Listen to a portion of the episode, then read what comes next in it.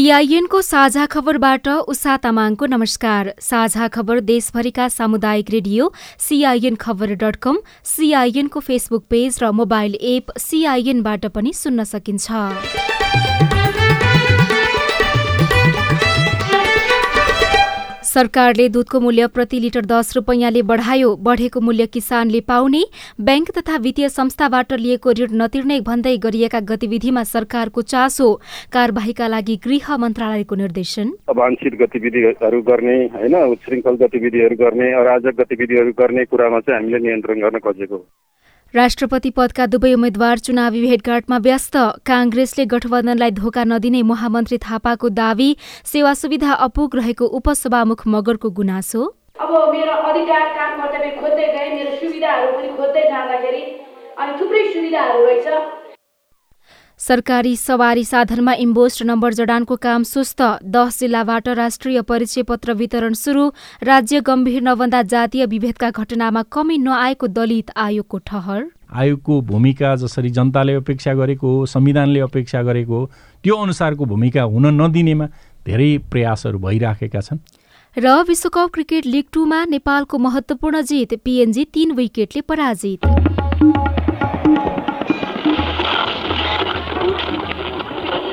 सयौं radio.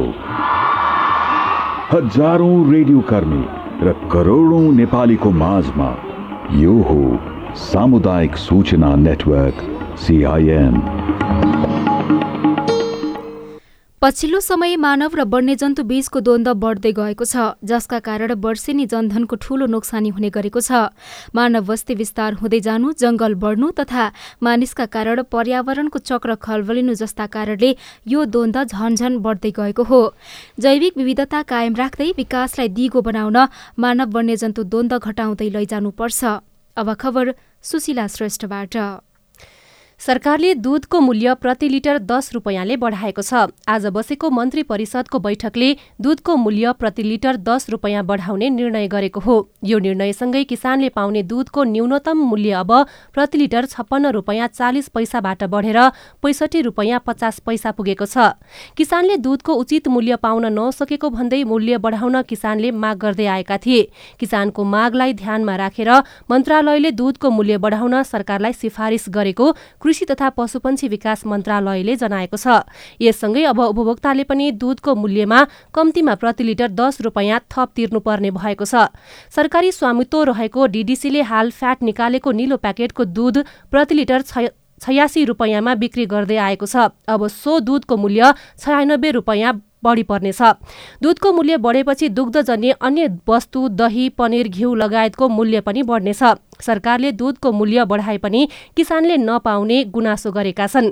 राष्ट्रिय कृषक महासंघका उपाध्यक्ष यानु कुमारी गौतमले यसका लागि किसानले पनि आवाज उठाउनु पर्ने बताउनुभयो।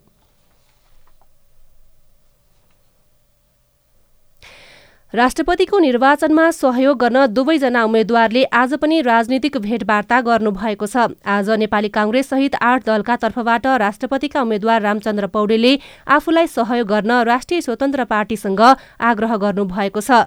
राष्ट्रिय स्वतन्त्र पार्टीका अध्यक्ष रवि लामिछानेसँग भेट गरी उहाँले आफू राष्ट्रपतिको योग्य उम्मेद्वार भएको राष्ट्रपतिको योग्य उम्मेद्वार भएकाले सहयोग गर्न आग्रह गर्नुभयो। नेकपा एमालेका उम्मेद्वार सुभाष चन्द्र नेमुवाङले पनि आज राष्ट्रिय उन्मुक्ति पार्टीका नेता रेशम चौधरीसँग भेट गर्नुभएको छ। नेता चौधरीलाई भेट्न नेमुवाङ सहितका नेता कारागार पुग्नु भएको थियो। यसैबीच नेपाली काङ्ग्रेसका महामन्त्री गगन थापाले अबको पाँच वर्ष आठ दलीय गठबन्धन कायम रहने दावी गर्नुभएको छ। काठमाडौँको बानेश्वरमा आज आठ दलीय गठबन्धनका बागमती प्रदेशका सांसदहरूको अभिमुखीकरण कार्यक्रममा बोल्दै महामन्त्री थापाले गठबन्धन बनाउने क्रममा भएको समझदारीप्रति आफ्नो दल प्रतिबद्ध रहने समेत बताउनुभयो। प्रतिनिधि सभाका उपसभामुख इन्दिरा राणाले आफूले राज्यबाट पाइरहेको सेवा सुविधा कम रहेको बताउनु भएको छ। भ्रष्टाचार विरूद्ध सांसदहरूको विश्वव्यापी संगठन नेपाल च्याप्टरले काठमाडौँमा गरेको कार्यक्रममा उहाँले पुरूष उपसभामुख हुँदा राज्यबाट पाउने सुविधा अहिले आफूले नपाएको र अहिले पाइरहेको सुविधा अपुग रहेको बताउनु भएको हो। पुरूष उपसभामुखलाई नेपाली सेनाका सुरक्षाकर्मी मन्त्री सरह सुविधा आवास लगायत सुविधा दिने गरिएको तर आफूलाई यी सुविधा नभए भएको उहाँको भनाइ छ। अहिले आफूलाई आवास बापत मासिक छत्तीस हजार रुपियाँ भाडा दिएको तर आफू चौवालिस हजार रुपियाँमा मासिक भाडा तिरेर बसिरहेको उपसभामुख राणाले बताउनुभयो। उपसभामुख राणाले आफू सानो पार्टीबाट आएकाले राज्यबाट पाउने सेवा सुविधामा विभेद गरिएको हुन सक्ने पनि बताउनुभयो। बैंक तथा वित्तीय संस्थाहरू विरुद्ध हुने गलत गतिविधि रोक्न देशभरका जिल्ला प्रशासन कार्यालयहरूलाई गृह मन्त्रालयले निर्देशन दिएको छ। पछिल्लो समय बैंक तथा वित्तीय संस्थाहरू विरुद्ध भइरहेको संगठित आक्रमणको प्रयासपछि गृह मन्त्रालयले यस्तो निर्देशन दिएको हो। बैंक तथा वित्तीय संस्थाको सुरक्षाका लागि चनाखो भएर सुरक्षा प्रबन्ध गर्न र त्यस्तो गतिविधिहरूमाथि निगरानी बढाउन निर्देशन भएको गृहका प्रवक्ता जितेन्द्र बस्नेतले सिआइएनसँग बताउनुभयो। कालो मसो दल्ने भिड जाने होइन? अलिकति ब्याङ्कको काममा डिस्टर्ब गर्ने सहकारीको काममा डिस्टर्ब गर्ने लघु वित्तको काममा डिस्टर्ब गर्ने गरेको छ भने अब त्यस्तो हुन नदिने भनेको हो। अब त्यस्तो उहाँहरूलाई केही छ त्यसको गुनासो भने गुनासो समाधान गर्ने माध्यमहरू छन्। कानुनी प्रक्रिया अनुसार उहाँहरूले निवेदन दिनु पर्यो सम्बन्धित ठाउँमा गएर कुन ठाउँबाट त्यस्तो भएको छ त्यहाँ नजिकको प्रहरीमा खबर गर्नु पर्यो होइन? छ नि त कानुनी माध्यम छ तर अवांछित गतिविधिहरू गर्ने होइन? उच्छृङ्खल गतिविधिहरू गर्ने अराजक गतिविधिहरू गर्ने कुरामा चाहिँ हामीले नियन्त्रण गर्न खोजेको पछिल्लो समय बैंक तथा वित्तीय संस्थाको चर्को ब्याजका कारण मारमा परेको भन्दै यसको विरोधमा आन्दोलन भइरहेका छन्। आन्दोलनकारीहरूले बैंक तथा वित्तीय संस्थाका कर्मचारीलाई कालो मसो दल्ने चेतावनी समेत दिएका थिए। ठेक्का सम्झौता भएको छ वर्षमा पैंतिस हजार सवारी साधनमा मात्र इम्बोस्ट नम्बर प्लेट जडान भएको छ। यातायात व्यवस्था विभागका अनुसार सबै सवारी साधनमा इम्बोस्ट नम्बर प्लेट जडान अनिवार्य भए पनि नम्बर प्लेट जडानले गति लिन सकेको छैन। सरकारले पटक पटक सूचना जारी गर्दै इम्बोस्ट नम्बर प्लेट जडान गर्न अनुरोध गरेको हो। विभागले गत मङ्सिर आठ गते पुनः सूचना जारी गर्दै यही फागुन मसान्तभित्र सरकारी सवारीमा अनिवार्य इम्बोस्ट नम्बर प्लेट जडान गर्न भनेको थियो। तर हालसम्म संघ प्रदेश स्थानीय तह र संस्थानका सरकारी सवारी मध्ये फागुन दोस्रो सातासम्म आठ हजार एक सय उनासी सरकारी सवारी साधनमा मात्रै इम्बोस्ट नम्बर प्लेट जडान भएको छ। हालसम्म बागमती गण्डकी र लुम्बिनीमा मात्रै इम्बोस्ट नम्बर प्लेट जडान गरिएको छ। तर जडान संख्या भने न्यून छ। राष्ट्रिय परिचय पत्र दस जिल्लाबाट वितरण सुरु भएको छ। यसअघि राष्ट्रिय परिचय पत्र तथा पञ्जीकरण विभागमा विवरण दर्ता गराएकालाई विभागबाट र जिल्ला प्रशासन कार्यालय काठमाडौँबाट वितरण दर्ता गराएकाहरूलाई कार्यालयबाट परिचय पत्र वितरण भइरहेको थियो। अब भने भक्तपुर ललितपुर मोरङ स्याङ्जा गुल्मी अछाम कैलाली कञ्चनपुर बाँके र मकवानपुर जिल्ला प्रशासन कार्यालयबाट परिचय पत्र वितरण सुरु भएको छ।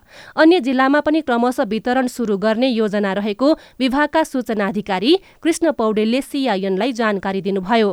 अब हामी एक वर्षभित्रमा अरू बाँकी रहेका नागरिकता प्राप्त गरेका सबै नेपालीको विवरण दर्ता गर्ने भन्ने टार्गेटमा छौँ। त्यसरी हेर्दा त छपाईको सङ्ख्या कम देखिन्छ तर हाम्रो प्राथमिकता विवरण दर्तामा भएको हुनाले छपाई कम देखिएको भने अब अहिले चाहिँ हामी फागुनको एक गतेबाट हाम्रो छपाईको क्षमता पनि हामीले वृद्धि गरिसकेका छौँ। विगतमा दिनको करिब छ हजारको सङ्ख्यामा कार्ड छपाई हुन्थ्यो भने फागुन एक गतेबाट हामीले दैनिक पन्ध्र हजारभन्दा बढी सङ्ख्यामा कार्ड छपाई चाहिँ क्षमता विस्तार गरिसकेका छौँ। यसरी हेर्दा अब हाम्रो कार्ड छपाई र वितरण पनि हाम्रो ऱ्यापिडली नै अगाडि बढ्छ।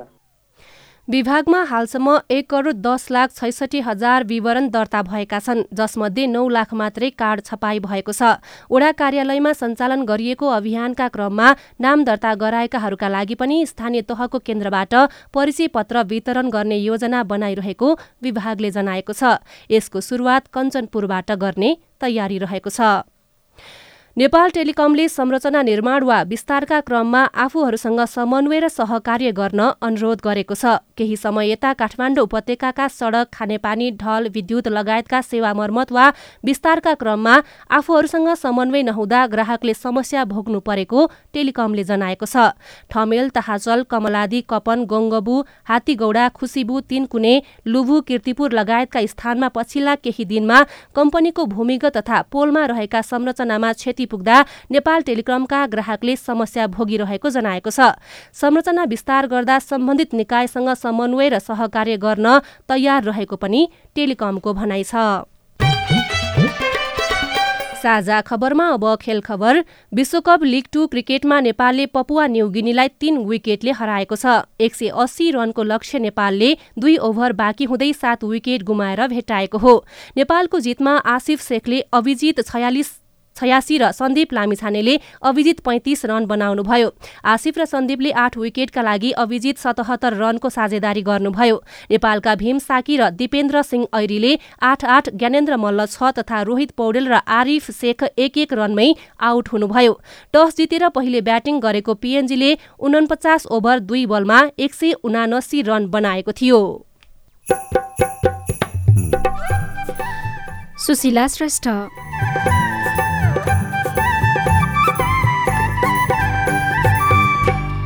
गाउँघरमा देखि नै छाडे गुन्द्री। बजारका चटाइहरू गुन्द्राभन्दा सस्ता भइदियो। त्यो गुन्द्राको लगानी गरेर पनि उड्दैन हेर्नु। अब गुन्द्रा पराल खेत हुनुले त बुन्ला खेत नहुनेले काँडा बुन्छन्। आमदानीको स्रोत बढ्न सक्ने गुन्द्री लोप हुँदै रिपोर्ट नेपाली समाज किन विभेद मुक्त बन्न सकिरहेको छैन? कुराकानी लगायतका सामग्री बाँकी नै छन्। सिआइएनको साझा खबर सुन्दै गर्नुहोला। बारम्बार खडेरी र आधी बेरी आउँदा उठी बास भएको बेला कहाँ जाउँला के खाउला? सुक्खा ठाउँमा बाँच्न सक्ने बोट बिरुवा रोपौँ खाली ठाउँमा हरियाली बाढी पहिरो रोकाउँ कृषि भूमि व्यवस्थापन विकास कार्य गर्दा राम्रो हुन्छ गाउँ घर ज्ञान सिप जोड्दा। घाँसे मैदान चरण क्षेत्र पानी कामुल जोगाउँ। पशुपालन कृषि गरी छोरा छोरी पढाउँ। परिवर्तन हुँदा नि जलवायु बाँच्न मिल्छ। जीवनको सत आयो बाँच्न मिल्छ। जीवनको सत आयो बाँच्न मिल्छ। जीवनको सत आयो। जलवायु परिवर्तनले निम्ताएका चुनौतीको सामना गर्न जमिन जल र प्राकृतिक स्रोत व्यवस्थापनका सर्वोत्तम उपलब्धिहरूको कार्यान्वयन गरौँ। पारिस्थितिकीय प्रणालीमा आधारित अनुकूलन आयोजना जलवायु परिवर्तन तथा व्यवस्थापन महाशाखा वन तथा वातावरण मन्त्रालय र सिआइएन ल कान्छा यतिका दिन जे भयो भयो। अब दाई दिदीबहिनीहरूसँग रिस नराखेस् है। कान्छा दाईले मात्र होइन क्या आमा? मेलमिलाप भइसकेपछि अब कसैले मन अमिलो बनाउनु भएन। तपाईँहरूले नै रोजेका मेलमिलापकर्ता राखेर जग्गाको साँच सिमाना बारेको नौ वर्षदेखिको विवादमा मेलमिलाप भयो। योभन्दा खुसीको कुरा हामी मेलमिलापकर्ताको लागि के हुन्छ र? मेलमिलापकर्ता बाबु हामी दुई भाइ बिचको झगडालाई यति सजिलै चाँडै मिलाइदिनु भएकोमा तपाईँलाई मुरी मुरी धन्यवाद छ। मैले यो मेलमिलाप केन्द्र भन्ने त अलि पहिले नै सुनेको थिएँ क्या बाबु। मन माझामाझ गरेर दुवै पक्षले जित्ने गरी पो कुरा मिलाउनु हुने रहेछ। कस्तो राम्रो। मनमुटाप गर्नेहरूलाई अबदेखि यो मेलमिलाप केन्द्रमै जाऊ भन्छु म चाहिँ। सुन्नुहोस् आमा।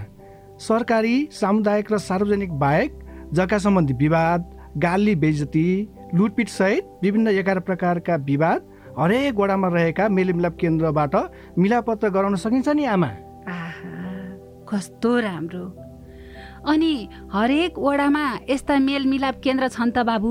छन् नि आमा किन नहुनु? कुनै कुनै वडामा दुई वा त्यसभन्दा धेरै पनि छन्। विवादका पक्ष र विपक्षका व्यक्तिले चाहेको मेलमिलाप केन्द्रबाट निकास खोज्न सकिन्छ। वडाको मेलमिलाप केन्द्रबाट विवाद समाधान भएन भने नि आमा। हजुर। पालिकाको न्यायिक समितिले पनि विवाद समाधानका लागि छलफल गराउन सक्छ। आहा। यति भएपछि त गाउँघरको झगडा गाउँमै हाँसु खुसीका साथ मिल्ने भइहाल्यो नि होइन त?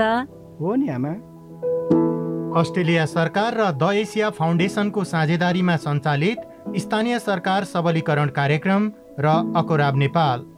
सामाजिक रूपान्तरणका लागि यो हो सामुदायिक सूचना नेटवर्क सिआइएन तपाई सामुदायिक सूचना नेटवर्क सिआइएनले तयार पारेको साझा खबर सुन्दै हुनुहुन्छ। सामुदायिक रेडियोको आकस्मिक योजना तर्जुमा कार्यशाला आज ललितपुरमा सम्पन्न भएको छ। बीबीसी मिडिया एक्सनको सहकार्यमा सामुदायिक रेडियो प्रसारक संघले विभिन्न जिल्लाका पच्चीस भन्दा बढ़ी सामुदायिक रेडियो कर्मीहरूको सहभागितामा कार्यशाला सम्पन्न गरेको हो। विपदको समयमा सामुदायिक रेडियोहरूले के के काम गर्ने भन्ने सहज होस् भनेर सामुदायिक रेडियोको आकस्मिक योजना निर्माण गर्नका लागि कार्यशाला गरिएको सामुदायिक रेडियो प्रसारक संघका अध्यक्ष अर्जुन गिरीले बताउनुभयो। कुनै समय घरको पिँढीदेखि खाटसम्म अनि भान्सादेखि फलैचासम्म गुन्द्री अनिवार्य हुन्थ्यो।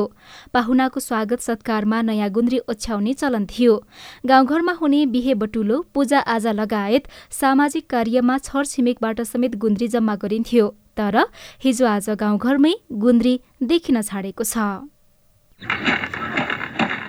पाल्पाको सत्यौती गाउँका कमला खनाल हिउँदको पारिलो घाम ताप्दै गुन्द्री बुनिरहनु भएको छ। अल्ली वर्ष अघिसम्म गाउँका घर घरमै यसरी नै गुन्द्री बुन्ने गरिन्थ्यो। तर अहिले यस्तो दृश्य कतै कतै मात्र देखिन्छ। गाउँघरका आफ्नै साथी सङ्गी पनि धेरैले हिजो आज गुन्द्री बुन्न छोडेको कमला बताउनुहुन्छ। अचाल गुन्द्री बुन्नु सिस्टम हराउनु थाल्यो। पहिले पहिले सबै किसानहरूले खेत रोप्ने पनि गर्थे। आजभोलि सबै सुकी पनि भयो हेर्नु गर्न पनि अब। अनि त पराल गुन्द्री बुन्ने जस्तो पनि हुन्न। आजभोलि त बजारका चटाइहरू गुन्द्राभन्दा सस्ता भइदियो। त्यो गुन्द्राको लगानी गरेर पनि उड्दैन हेर्नु। अब गुन्द्रा पराल खेत हुनुले त बुन्लान् खेत नहुनेले काँडा बुन्छन्? कुनै समय गुन्द्री बुन्न बाबिएको हत्यौरी बाटिन्थ्यो। हत्यौरीको तानमा पराललाई हतासोले ठोक्दै गुन्द्री बुनिन्थ्यो। तर प्लास्टिकको डोरी अर्थात् सुत्री आएपछि हत्यौरी हरायो र प्लास्टिकका गुन्द्री र गलैँचा आएसँगै गुन्द्री हरायो। नयाँ पुस्तामा सिप हस्तान्तरण नहुँदा र आमदानीको स्रोत बनाउन नसक्दा गुन्द्री बुन्ने परम्परा नै हराउन थालेको पाल्पा क्युरेनी टोलका मथुरा राजकोटी मगरको ठम्माइ छ।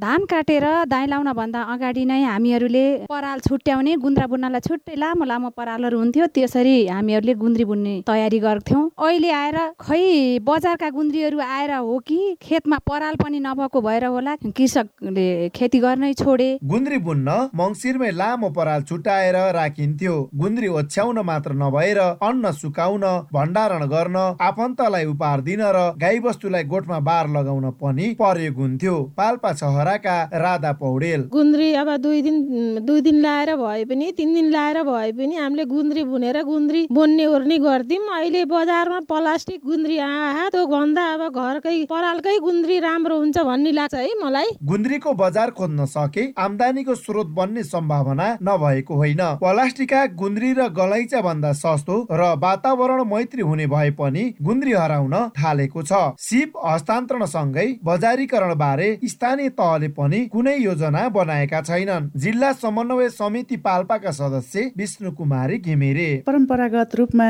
हामीले चलाउँदै आएका परालका गुन्द्रीहरू अहिले लोप हुन लागिरहेका छन्।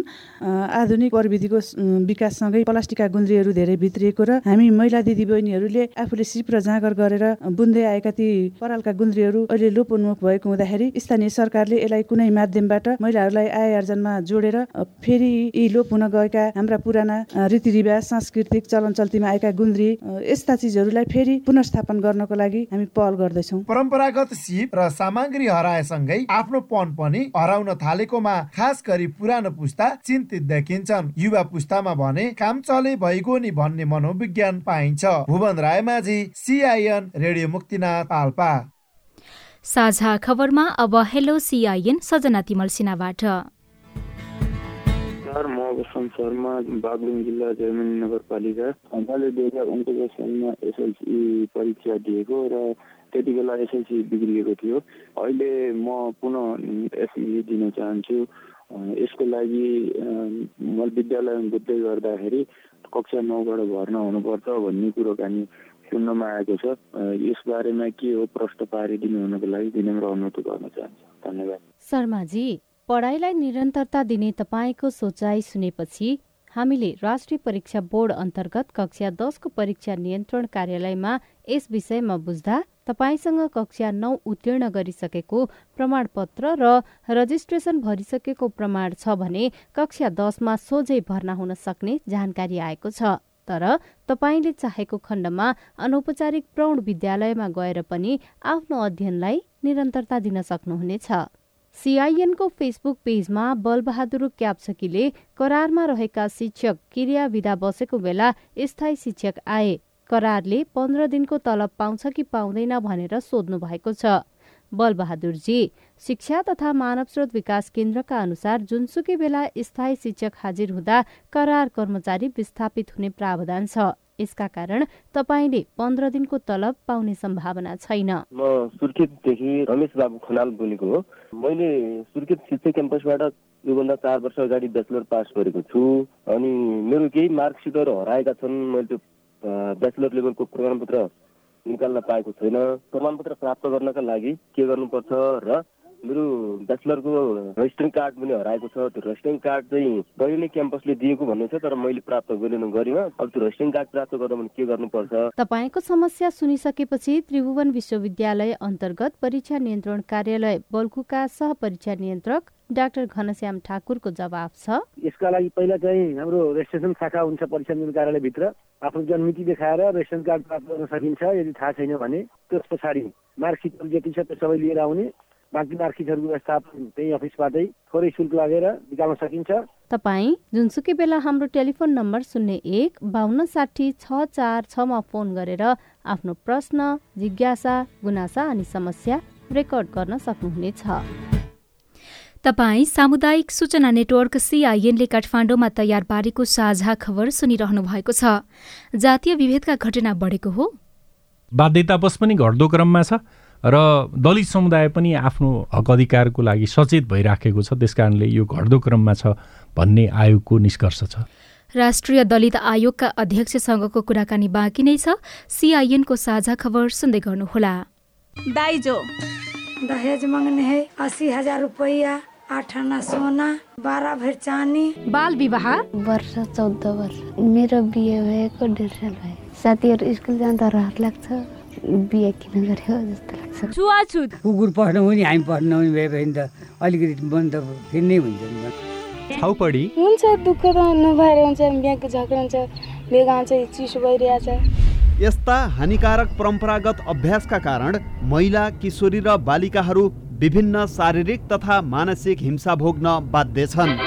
होसियार यस्ता हानिकारक परम्परागत अभ्यासहरू कानुनद्वारा दण्डनीय छन्। ओल्ड भिजन इन्टरनेसनल नेपाल र सामुदायिक सूचना नेटवर्क सिआइएन नेपाल टेलिकमको सूचनाको संसार होइन के सुनेको यस्तो ध्यान दिएर दोहोरो बोलेको जस्तो नि देख्दिन। तिन दुई एक शून्य शून्य क्या? तिन दुई एक शून्य शून्य? के हो त्यो भने? बुझिन त। ल सुन एनटिसी प्रयोगकर्ताहरूले आफ्नो मोबाइल तथा ल्यान्डलाइनमा तिन दुई एक शून्य शून्य डायल गरी समाचार रेडियो कार्यक्रम खेल र अन्य विषयबारे सन्देशहरू जुनसुकै बेला निशुल्क सुन्न सक्छन्। ओहो निशुल्क? कस्तो सजिलो। समाचार सुन्न छुट्यो भनेर पिर लागेको थियो। अब त म पनि सुनिहाल्छु। कति रे? तिन दुई एक शून्य शून्य। सामाजिक रूपान्तरणका लागि यो हो सामुदायिक सूचना नेटवर्क सिआइएन तपाईँ सामुदायिक सूचना नेटवर्क सिआइएनले काठमाडौँमा तयार पारेको साझा खबर सुन्दै हुनुहुन्छ। दुई हजार त्रिसठी जेठ एक्काइस गते नेपाललाई जातीय विभेद मुक्त राष्ट्र घोषणा गरिएको थियो। त्यसको पाँच वर्षपछि जातीय भेदभाव छुवाछुत कसुर र सजाय अन दुई हजार अडसठी संसदबाट जारी भयो। यो कुराले दलित समुदायले भोग्दै आएको उत्पीडनबाट न्याय पाउने र जातीय विभेद गर्नेलाई कानूनी कार्यवाही गर्ने बाटो अझै खुकुलो भयो। तर दलित समुदायले कल्पना गरे जस्तो हुन सकेको छैन। जातीय विभेद रोकिएको छैन। के जातीय विभेदको घटना बढेको हो? साथी राजन रुचालले राष्ट्रिय दलित आयोगका अध्यक्ष देवराज विश्वकर्मालाई सोध्नु भएको छ। पहिले दलितहरूको विषय नियतिको परिणति थियो भने अहिले दलितहरूले अधिकार खोजिराखेका छन्। अधिकारप्रति सचेत भइराखेका छन्। र आफ्नो अधिकारका लागि केही सानोतिनो प्रतिक्रिया जनाउँदाखेरि जातीय विभेदका घटनाहरू दलितमाथि भएका विभेदका घटनाहरू बढेर गएका हुन् कि भन्ने प्रतीत हुन्छ। तर त्यस्तो होइन। स्वाभाविक रूपमा हिजो दलितहरूले यसलाई सहज रूपमा स्वीकार गरेको अवस्था थियो र आज स्वीकार गरेका छैनन् प्रतिक्रिया जनाएका छन्। यसलाई हामीले अन्त गर्नुपर्छ भनेर उठेका छन् जागेका छन्। त्यस कारणले घटना बढेको होइन। सार्वजनिकीकरण बढेको हो भन्ने कुरामा हामी जानुपर्छ जस्तो मलाई लाग्छ। जातीय विभेदको कुरा गर्दाखेरि चाहिँ त्यो सूचकले देखाउने कुरा तथ्याङ्कले देखाउने कुरा चाहिँ त्यो कस्तो छ? तपाईँहरू त तथ्याङ्क केलाएर बस्नुहुन्छ। आजभन्दा धेरै पहिले भनौँ आयोग नहुँदाखेरि दलितहरूको विषयमा संविधानमा ऐन कानुनहरूमा विभिन्न खालको व्यवस्था हुँदाखेरि त्यो सामान्य कुरा थियो। दलितहरूले भोग्नुपर्ने र अरूले गर्नुपर्ने। त्यो सामान्य कुरा थियो। आज त्यो सामान्य कुरा छैन असामान्य कुरा छ। दण्डनीय करार गरिएको छ। दण्ड सजायको व्यवस्था गरिएको छ यस्तो भेदभाव गरियो भने यस्तो खालको उत्पीडन शोषण कसैले नियतवश गर्यो अथवा अन्जानवश गर्यो भने पनि त्यो सजाय हुने व्यवस्था हाम्रो संविधान ऐन कानुनले गरेको हुनाले यो कुरा हामीले तथ्य हेर्दाखेरि यो बढेका हुन् कि भन्ने भ्रम भएको छ तर बढेको होइन। यो घट्दो क्रममा छ। बाध्यतावश पनि घट्दो क्रममा छ र दलित समुदाय पनि आफ्नो हक अधिकारको लागि सचेत भइराखेको छ। त्यस कारणले यो घट्दो क्रममा छ भन्ने आयोगको निष्कर्ष छ। तथ्याङ्क र सूचकको कुरा त्यो भयो।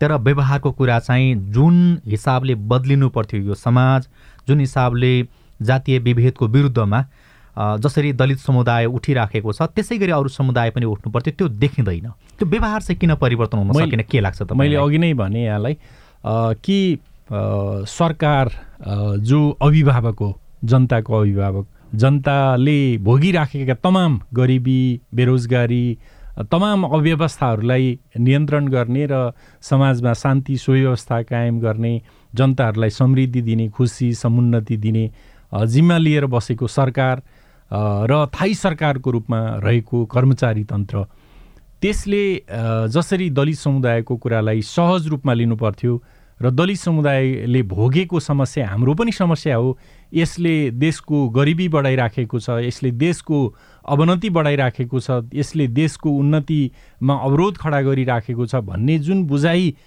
सरकारी पक्ष कर्मचारी तन्त्र राजनीतिक नेतृत्वमा हुनुपर्थ्यो त्यो नभइराखेको अवस्था हामीले बुझेका छौँ। त्यस कारणले यो जुन तरिकाले यहाँले भने जस्तै जुन तरिकाले तीव्र गतिमा घट्नु पर्थ्यो अथवा नेपाली समाज आम रूपमा धेरै सकारात्मक दिशातिर अगाडि बढ्नु पर्थ्यो त्यो भइराखेको हामीले पनि पाएका छैनौँ। तपाईँले भने जस्तै गरी बौद्धिक वर्गले नबुझेको पनि होइन होइन? त्यस्तै जो नेतृत्वमा छ राजनीतिक हिसाबले अथवा सरकारको नेतृत्वमा भएकाहरू यो समाजको नेतृत्व गरिरहेकाहरूले पनि बुझेका छन् कि विभेद हुनु हुँदैन। विभेद हुनु कुनै पनि समाजका लागि त्यो राम्रो विषय होइन। समाज नै पछि पर्छ भन्ने कुरा देश नै पछि पर्छ भन्ने कुरा।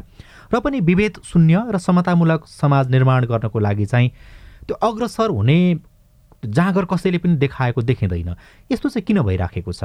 यो धेरै महत्त्वपूर्ण प्रश्न छ। वास्तवमा भन्ने हो भने नेपाली समाज धेरै पछौटेपन धेरै पुरातन धेरै जकडिएको संस्कृति नराम्रो कुरालाई पनि हामीले यो पुर्खाले गरेको हो भनेर हामीले बचाइरहने जुन प्रवृत्ति छ यो प्रवृत्तिले गर्दाखेरि हामीलाई त्यसबाट उम्किन त्यसबाट एक पाइला अगाडि बढ्नको लागि जटिलता उत्पन्न भइराखेको छ र कसैले साहस गरिराखेको छैन। हो तपाईँले भने जस्तै गरी यदि जरो त्यही हो भने यो प्रवृत्ति नै यो जातीय विभेदको मुख्य जरो हो भने त्यो प्रवृत्ति त परिवर्तन गर्नु पर्यो त्यसमा रूपान्तरण ल्याउनु पर्यो। अवश्य पनि। त्यसका लागि चाहिँ के हो त अचुक औषधि?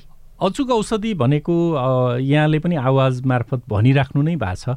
बिस्तारै बिस्तारै परिवर्तन हुन खोजिराखेको छ र हिजोको अवस्थामा छैन आज धेरै अगाडि बढेको छ।